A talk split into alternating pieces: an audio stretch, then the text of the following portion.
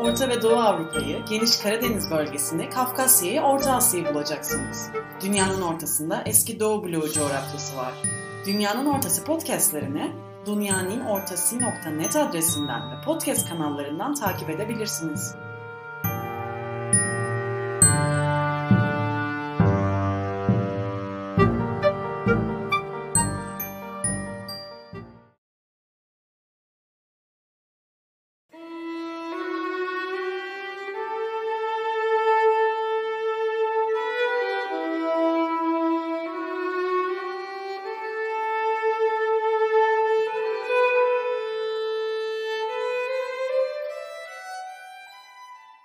Nedense çocuklar köyde dolaşıyorlar.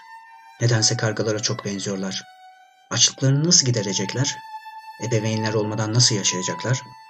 İçten eriten ve toza dönüştüren açlığın dehşeti unutturması. Artık onlara kimse yardım edemez.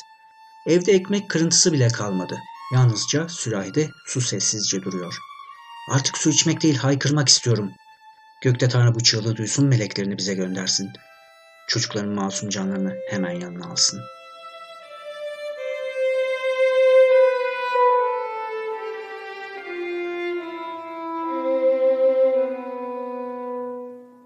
Holodomor, Ukrayna'nın acı belleği.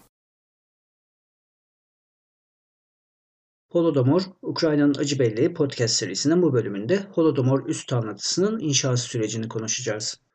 İlk olarak Holodomor anlatısı tabiriyle neyin kastedildiğinin belirtilmesinde fayda olacak. Holodomor anlatısı deyince akla Holodomor'un bir masal, mit, gerçek olmayan bir hikaye olduğu gibi şeyler gelebilir. İlk olarak kastedilen şeyin bu olmadığını vurgulamamız gerekiyor. Holodomor anlatısı tabiri Holodomor'un bir masal olduğunun iması şeklinde algılanmamalıdır. Anlatı terimini sosyal bilimlerde ve sosyolojide son dönemlerde daha sık tartışılan ve kullanılan narratif teriminin karşılığı olarak kullanıyoruz. Aslında anlatı dediğimizde hem epistemolojik hem de metodolojik bir yaklaşıma işaret ediyoruz. Anlatı sosyolojisinin temelinde insanların etraflarında olup bitenler veya kendi yaşadıkları olaylar hakkında bunları hikayeleştirerek bir anlatı haline getirerek anlam inşa ettikleri kabulü var. Bir başka ifadeyle yaşananların insanlar için bir anlam ifade etmesinin yolu bunların bir anlatı haline getirilmesi. Yaşanmışlıklar ancak bir anlatı haline getirildikleri zaman toplumsal bir gerçeklik kazanırlar. Yaşanmışlıkların bir anlatı haline getirilmesi bunların kişilerin algı süzgecinden geçtikten sonra belli bir düzen içine konularak noktalar arasındaki bağlantılar kurularak kendi içinde anlamlı ve bir bütünlük arz edecek şekilde biçimlendirilmesiyle mümkün olur. Yaşanmışlıkların anlatısallaştırılmasının bunların zaman ve mekan içinde aktarımının bir ön şartı olduğunu da hemen söyleyelim. Bunun anlaşılması için kendi başımızdan geçen en basit ve sıradan bir olayı bile başkalarına bir hikaye formatında anlatarak aktardığımızı hatırlamamız yeterli olacaktır. Neden Holodomor anlatısı dediğimizi açıkladıktan sonra bir başka konuya daha açıklık getirmekte fayda olacak. Birazdan üzerinde konuşacağımız Holodomor anlatısının inşası sürecine dair söyleyeceklerimizi dinleyen bazı dinleyiciler, konuyu salt ideolojik yaklaşımlar ve siyasi hedefler çerçevesinde ele aldığımızı düşünerek aslında bizim Holodomor'un yalnızca siyasi bir propaganda aracı, uydurma bir söylem olduğunu düşündüğümüzü veya bunu ima ettiğimizi düşünebilir. Bu yanlış bir düşünce olacaktır. Yaşanmışlıkların anlatısallaştırılması az önce belirttiğimiz üzere esasen bir inşa sürecidir. Bu inşanın ham maddesi yaşanmışlıklar ve anlatısal inşanın gerçekleştirildiği dönemdeki kavram seti veya setleridir. Ancak bu ham maddeden nasıl bir anlatı inşa edileceği söylemsel evren içinde belli bir özelliğe sahip olan özne tarafından belirlenir. Kurucu öznenin inşa edeceği anlatı ile neye ulaşmak istediği sonuçta ortaya çıkacak anlatının niteliğini belirleyen önemli etkenlerden biridir. Holodomor anlatısının 1950'lerden günümüze kadar geçen süreçte ideolojik ve siyasi mücadelelerin meydana getirdiği bağlamlar içinde şekillendiğini görmekteyiz. Bunun yanında farklı siyasi öznelerin bu anlatıyı kendi ideolojik ve siyasi duruşları doğrultusunda inşa etmeye yöneldikleri de anlaşılıyor. Dolayısıyla Holodomor anlatısının inşasını değerlendirirken bunlardan bahsetmemiz gerekiyor. Holodomor anlatısının salt ideolojik ve siyasi sahiplerle yürütülmüş bir inşa, gerçeklikten uzak bir propaganda olduğunu iddia etmiyoruz. Yine de Holodomor anlatısını belirleyen esas etkinin ideolojik ve siyasi etkenler olduğu fikrindeyiz. Bu sebeple bu podcast'te bu nedenler üzerinde duruyoruz.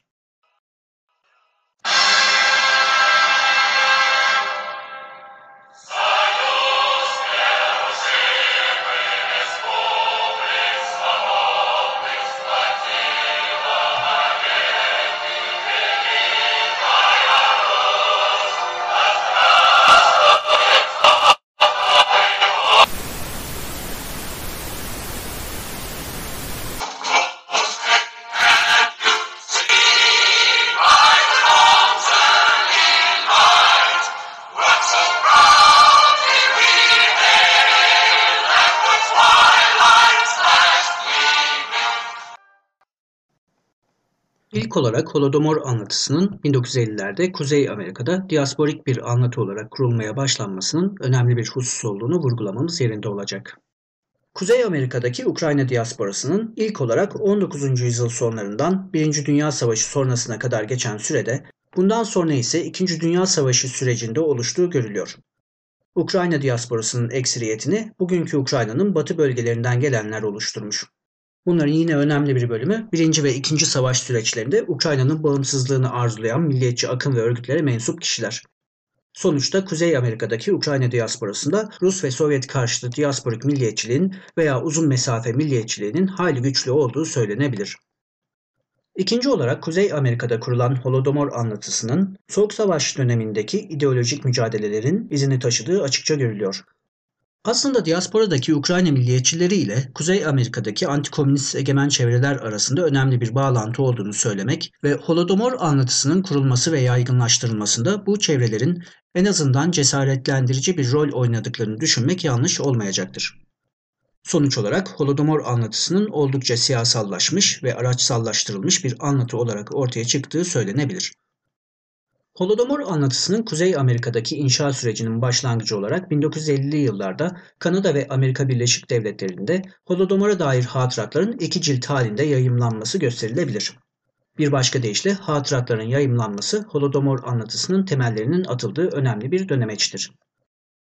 1960'lı yılların sonları ve 1970'li yıllarda Holodomor'la ilgili ilk akademik çalışmaların yapılmaya başlandığını görüyoruz. Bu yıllarda Harvard ve St. Andrews Üniversitelerinde kurulan Ukrayna çalışmaları merkezlerinde Holodomor akademik bir konu olarak çalışılmaya başlandı. Bu merkezlerin kurulmasının Ukrayna diasporasının maddi destekleri sayesinde mümkün olduğunun da vurgulanması önemli. Bundan sonra Kanada ve Avustralya'da da benzer merkezler faaliyete geçti. 1980'li yıllarda da Kuzey Amerika'daki Ukrayna diasporası Holodomor çalışmalarını teşvik etmeye devam etti. Bu yıllarda Harvard'da Harvard Famine Project, Harvard Açlık Projesi başlıklı bir proje kapsamında Holodomor hakkında çalışmalar yapıldı. Holodomor'un 50. yıl dönümü olan 1983, Holodomor anlatısının ve bu felaket etrafında yürütülen faaliyetlerin içeriği açısından önemli bir dönüşümün yaşandığı bir yıl oldu. Bu dönüşüm Holodomor konusunu uluslararası siyasi arenada önemli bir konu haline getirdi.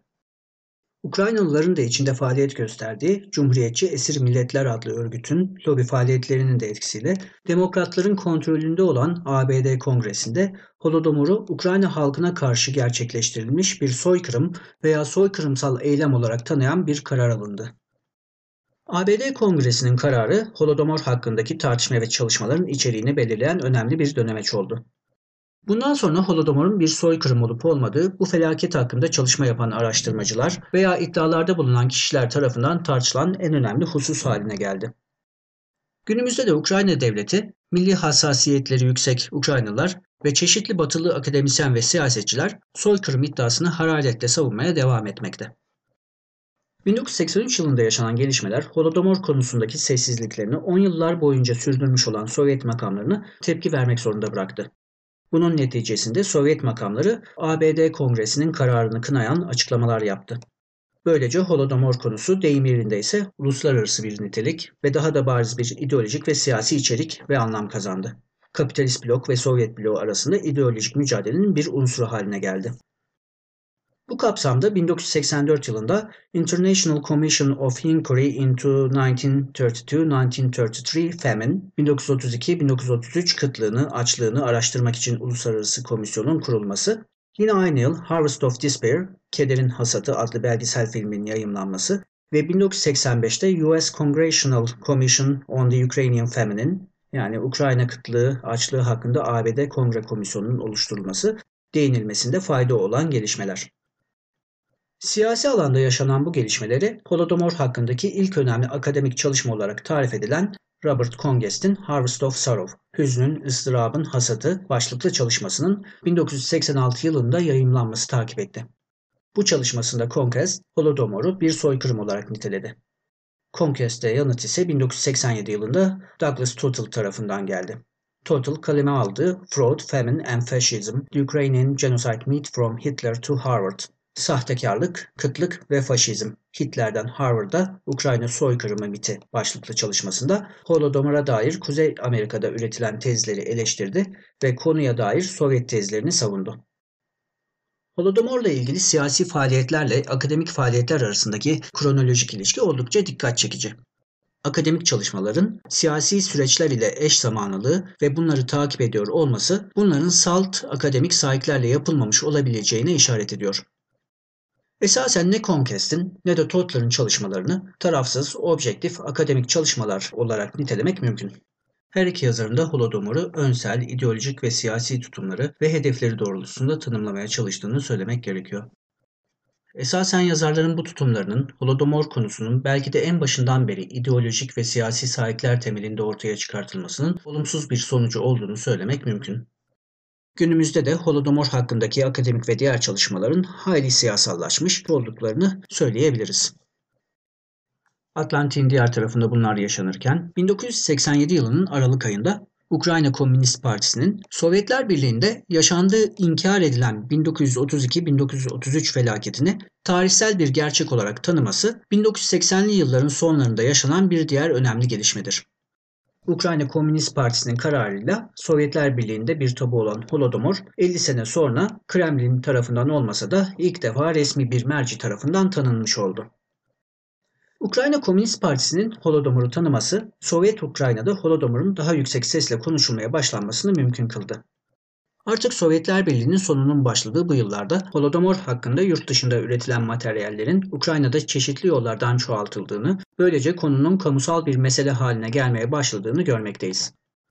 Bu sürecin bir neticesi olarak 5-7 Ağustos 1990 tarihlerinde Kiev'de Holodomor ile ilgili bir uluslararası sempozyum gerçekleştirilmesi bunun yanında Sovyetler Birliği ve Sovyet Ukrayna'da Holodomor'la ilgili yapılan akademik çalışmaların sahte, uydurma bilim olarak nitelendirilmiş olması önemli. Bundan sonra 1991 yılında Sovyet Ukrayna'da Holot 33, Açlık 33 adlı bir filmin çekilmiş olması da kaydedilmesi gereken bir olay. Ukraynalı Kanadalı tarihçi Frank Siss'in 1999 tarihli bir makalesinde 1 Aralık 1991 bağımsızlık referandumu öncesinde Ukrayna televizyonunda Holodomor ile ilgili yayınların arttığını söylemektedir. Toparlamak gerekirse Sovyetler Birliği'nde yaşanmışlığı dahi inkar edilen 1932-1933 Holodomor felaketi ilk olarak 1950'lerde Kuzey Amerika'daki Ukrayna diasporası tarafından gündeme getirilmiştir. Kuzey Amerika'daki Ukrayna diasporasının yüksek milliyetçi hassasiyetlerinin ve Rus ve Sovyet karşıtı tutumlarının inşa edilen Holodomor anlatısının rengini belirlediği görülmektedir. Bunun yanında Holodomor anlatısı Soğuk Savaş dönemindeki ideolojik ve siyasi kamplaşma ve mücadelenin izlerini taşımıştır. Sovyetler Birliği'nin dağılması arifesinde Holodomor konusunun Ukrayna'da da hızla önem kazanmaya başlaması dikkat çekmektedir. Bu süreci belirleyen dinamikler ve olumsallıkların irdelendiği çalışmaların artması literatüre kuşkusuz önemli bir katkı olacaktır. Bunun yanında şu anlaşılmaktadır ki Sovyet sonrası geçiş döneminde Holodomor anlatısı Ukrayna'da ulusal kimlik, ulus ve devlet inşaları süreçlerinde kullanılan, araçsallaştırılan öğelerden biri olmuştur. Bu nedenle Sovyet sonrası Ukrayna'da da Soğuk Savaş döneminde Kuzey Amerika'da olduğu gibi Holodomor ideolojik ve siyasi içeriğe sahip bir konu haline gelmiştir. Özellikle 2004 turuncu devrimden sonra Holodomor'un bu niteliğinin daha da belirgin hale geldiği görülmektedir.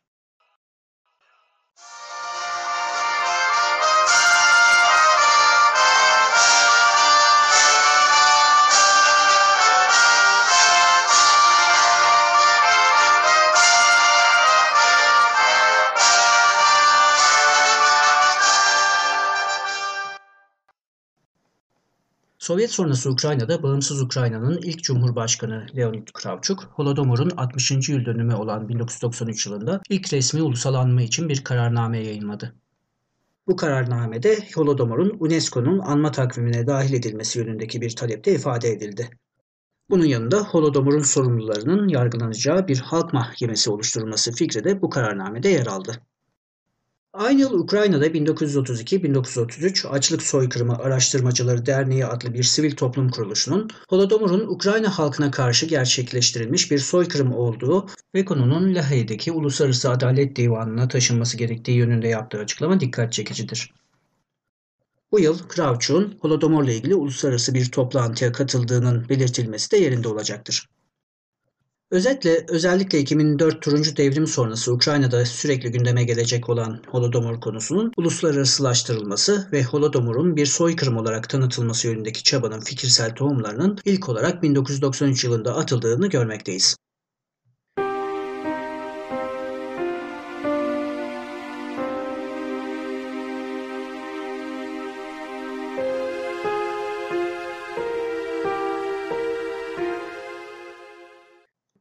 Temmuz 1994, Ocak 2005 arasında Ukrayna'nın ikinci cumhurbaşkanı olarak görev yapan Leonid Kuchma, Kasım 1998'de açlığın kurbanlarını anma gününü belirleyen bir kararname yayınladı.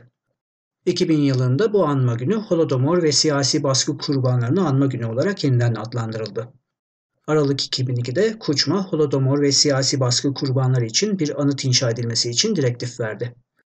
Burada dikkat çeken şey Kuçman'ın Holodomor'u siyasi baskı ile ilişkilendirmesidir. Geriye dönük olarak değerlendirildiğinde bu ilişkilendirmenin sonraki yıllarda Holodomor'a belli bir siyasi ve hukuki nitelik atfetme girişimlerinin bir ön ayağı olduğu söylenebilir. Ukrayna'da tarihin yeniden kavramsallaştırılması çerçevesinde 14 Mayıs 2003'te Ukrayna parlamentosunun Holodomor'un Ukrayna halkına karşı bir soykırım olduğunu ifade eden ve Holodomor'u Ukrayna Holokostu olarak tanımlayan bir deklarasyon yayınlaması Holodomor'a belli bir siyasi ve hukuki nitelik atfetme girişimleri açısından önemli bir kilometre taşıdır. Aynı yıl içerisinde Ukrayna makamları Ukrayna diasporası ile işbirliği içinde konuyu Birleşmiş Milletler ve diğer uluslararası platformlarda gündeme getirmek yönünde çabalara giriştiler. 2003 Eylül'ünde gerçekleştirilen Birleşmiş Milletler Genel Kurulu'nun 58. birleşiminde Ukrayna delegasyonu Holodomor'un soykırım olarak tanınması yönünde bir teklif verdi. Ancak 36 ülke Holodomor'a dair yayınladıkları bir bildiride soykırım nitelemesi yapmadılar.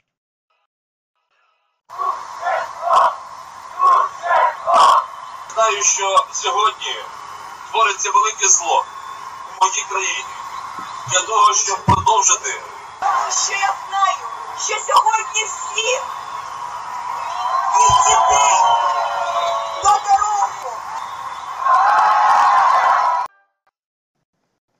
22 Kasım 2004'te başlayan ve turuncu devrim olarak anılan olaylar sonrasında iktidara gelen Viktor Yushchenko döneminde Holodomor'un kamusal alanda çok fazla öne çıkartıldığını ve siyasi söylemlerin en başat temalarından biri haline getirildiğini görüyoruz. Bu nicel farklılığın yanında Yushchenko döneminde Holodomor üzerine yürütülen faaliyet ve tartışmaların niteliksel bir dönüşüme uğradığı da gözlemlenmektedir. Bu niteliksel dönüşümün üç ayağı şu şekildedir.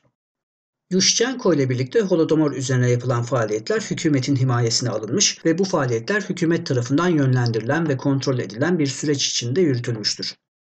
Bununla ilgili olarak 31 Mayıs 2006 tarihinde Bakanlar Kurulu'na bağlı olarak faaliyet yürütecek olan Ukrayna Ulusal Anma Enstitüsü'nün kurulması önemlidir.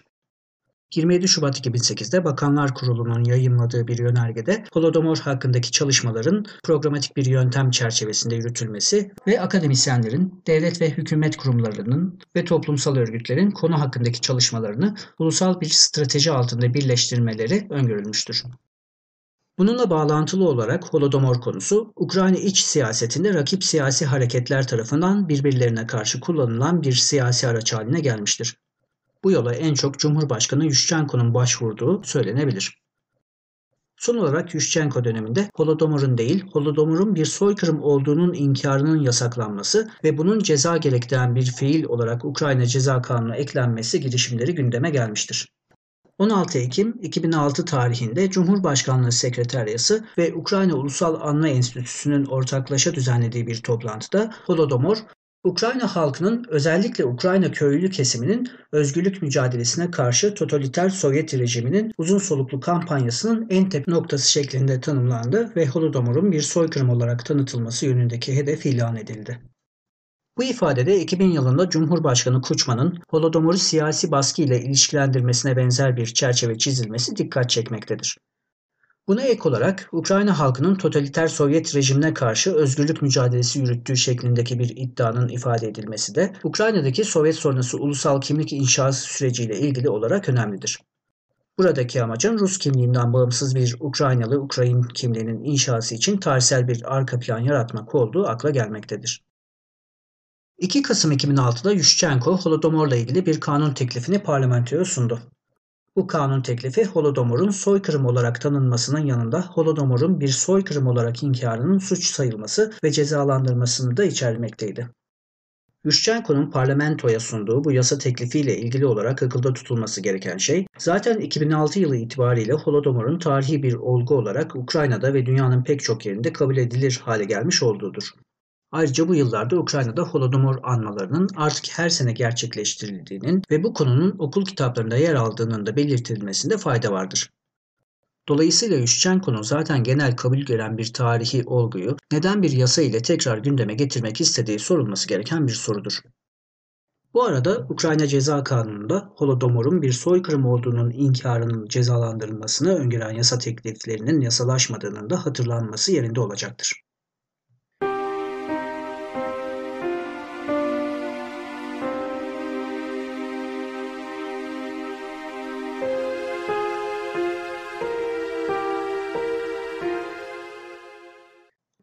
Ülkede Holodomor yılı ilan edilen 2008'de Ukrayna Holodomor'un uluslararası arenada tanınması için çabalarını yoğunlaştırdı.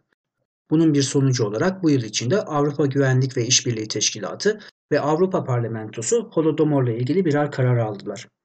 Avrupa Parlamentosu aldığı kararda Holodomor'u Ukrayna halkına ve insanlığa karşı dehşete düşüren bir suç şeklinde tanımladı. Bu arada Rusya ise Ukrayna'nın konuyu uluslararası arenaya taşımasını engellemek için daha güçlü girişimlerde bulunmaya başladı. Bu çerçevede Ukrayna'nın Aralık 2008'de Birleşmiş Milletler Genel Kurulu'nda Holodomor'un bir soykırım olarak tanınması girişimlerini engelledi.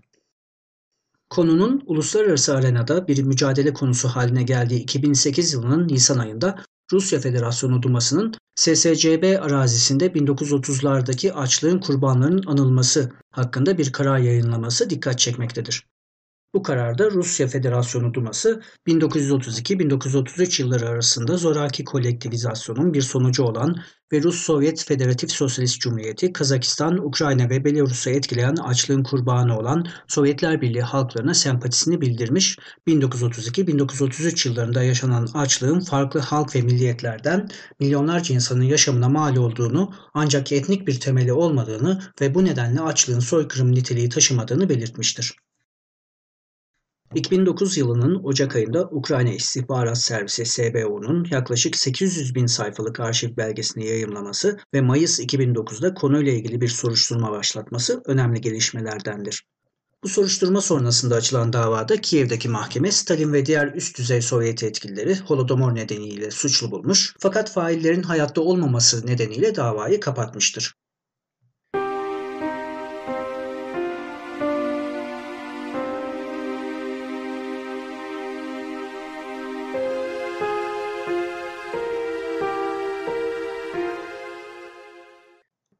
25 Şubat 2010'dan 22 Şubat 2014'e kadar Ukrayna'nın 4. Cumhurbaşkanı olan Viktor Yanukovych döneminde Ukrayna'da ulus inşa süreci önceki dönemlere özellikle Yushchenko dönemine kıyasla çok farklı bir çizgiyi takip etmiştir. Kravçuk ve Kuçma dönemlerinde Rus kimliğinden bağımsız ama onunla çatışmayan bir Ukraynalı Ukrayin kimliği inşası söz konusu olmuşken Yushchenko Rus kimliğini çatışmalı öteki olarak kurgulayan bir kimlik inşasına yönelmiştir. Yanukovych ise Rus muhibi Rusofil bir yaklaşımla Ukraynalı Ukrayin kimliğini Rus kimliğiyle barıştıracak, bu iki kimlik arasındaki farkların törpülendiği bir kimliğin inşasına girişmiştir. Bu çerçevede Yanukovych'in iktidara geldikten iki gün sonra resmi Cumhurbaşkanlığı web sitesindeki Holodomor'la ilgili bölümü sonradan tekrar eklese de kaldırması dikkat çekicidir.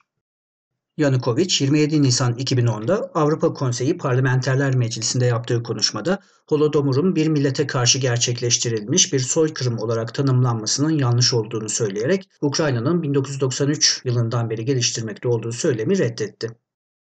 Muhalif bir Ukrayna vatandaşı bu konuşması nedeniyle Yanukovych'i 2006 Holodomor yasasını ihlal ettiği gerekçesiyle mahkemeye verse de Stalin ve arkadaşlarını Holodomor nedeniyle suçlu bulan mahkeme 2010 yılı başında bu başvuruyu reddetti.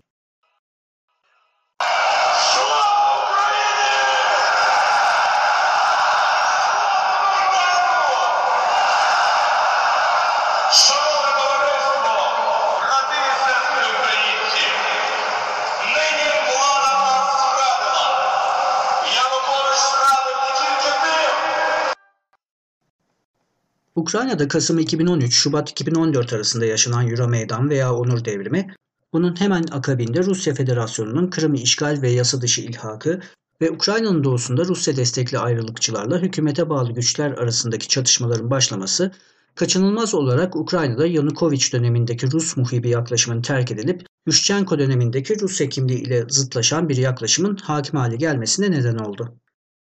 Rusya'nın Rus kimir, Rus dünyası söylemi çerçevesinde eski Sovyet coğrafyasında hegemonya kurmaya yönelik politikaları ve bu çerçevede tarihi, kültürel, etnik öğeler üzerinden Rus, Belarus, Ukraynalı kimliklerin aslında tek ve bir Rus kimliğinin farklı kolları olduğu yönünde söylemleri, Rusya Cumhurbaşkanı Vladimir Putin'in 2008 yılında Bükreş'teki NATO zirvesinde ifade ettiği Ukrayna'nın yapay bir devlet olduğu gibi fikirlerin Rusya tarafından yaygınlaştırılmaya başlanması gibi nedenlerin de etkisiyle 2013-2014 sonrasında Ukrayna'da tarihin ve tarih yazımının güvenlikleştirilmeye başlandığını görüyoruz. Bu çerçevede 2006 yılında kurulan Ukrayna Ulusal Hafıza Enstitüsü'nün 2014 yılında yeniden yapılandırılması dikkat çekicidir. Bunun yanında Ukrayna'daki ulusal bayram ve kutlama günlerinin Sovyet mirasının ortadan kaldırılmasına yönelik olarak yeniden düzenlenmesi gibi bir takım girişimlerde onur devrimi sonrası Ukrayna'da yaşanan gelişmelerdendir. Bu dönemde dikkate en çok çeken gelişme 15 Mayıs 2015'te yürürlüğe giren komünizm propagandasını yasaklamayı ve komünist dönemin izlerini silmeyi hedefleyen hafıza kanunları olarak anılan dört yasadır. Bu bağlam içerisinde Holodomor, Ukrayna'da halen önemli bir konu olarak varlığını devam ettiriyor.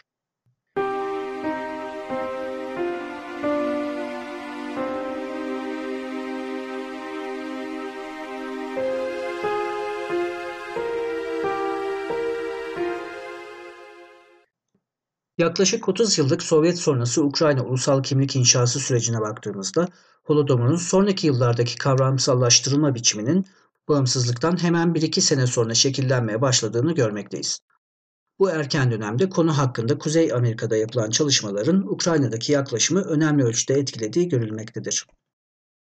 Holodomor'un bir soykırım olarak nitelendirilmesinin altında yatan nedenin Sovyet sonrası Ukrayna'da ortak bir acı üzerinden bütünleşik bir ulus inşası ve bu bütünleşik ulus kimliğinin Rus hegemonyasından kurtarılması hedefi olduğu düşünülebilir. Konunun uluslararasılaştırılmasının bir boyutu Ukrayna ve Rusya arasındaki mücadeledir. Bir diğer önemli fakat daha az anlaşılan boyutunu ise Ukrayna elitinin Holodomor anlatısı sayesinde mağduriyet söyleminin önemli bir kültürel öğe ve hatta değer olduğu Avrupa kültürel alanında yer bulma isteği olduğu düşünülebilir. Dolayısıyla Ukrayna eliti için Holodomor anlatısının hem parçalı bir bütün olan Ukrayna'nın bütünleştirilmesi, hem Rus hegemonyasından kurtulunması hem de Avrupa kültürel alanına girmek ve böylece Avrupalı bir Ukrayna kimliği inşa etmek için önemli bir araç olarak algılandığı iddia edilebilir.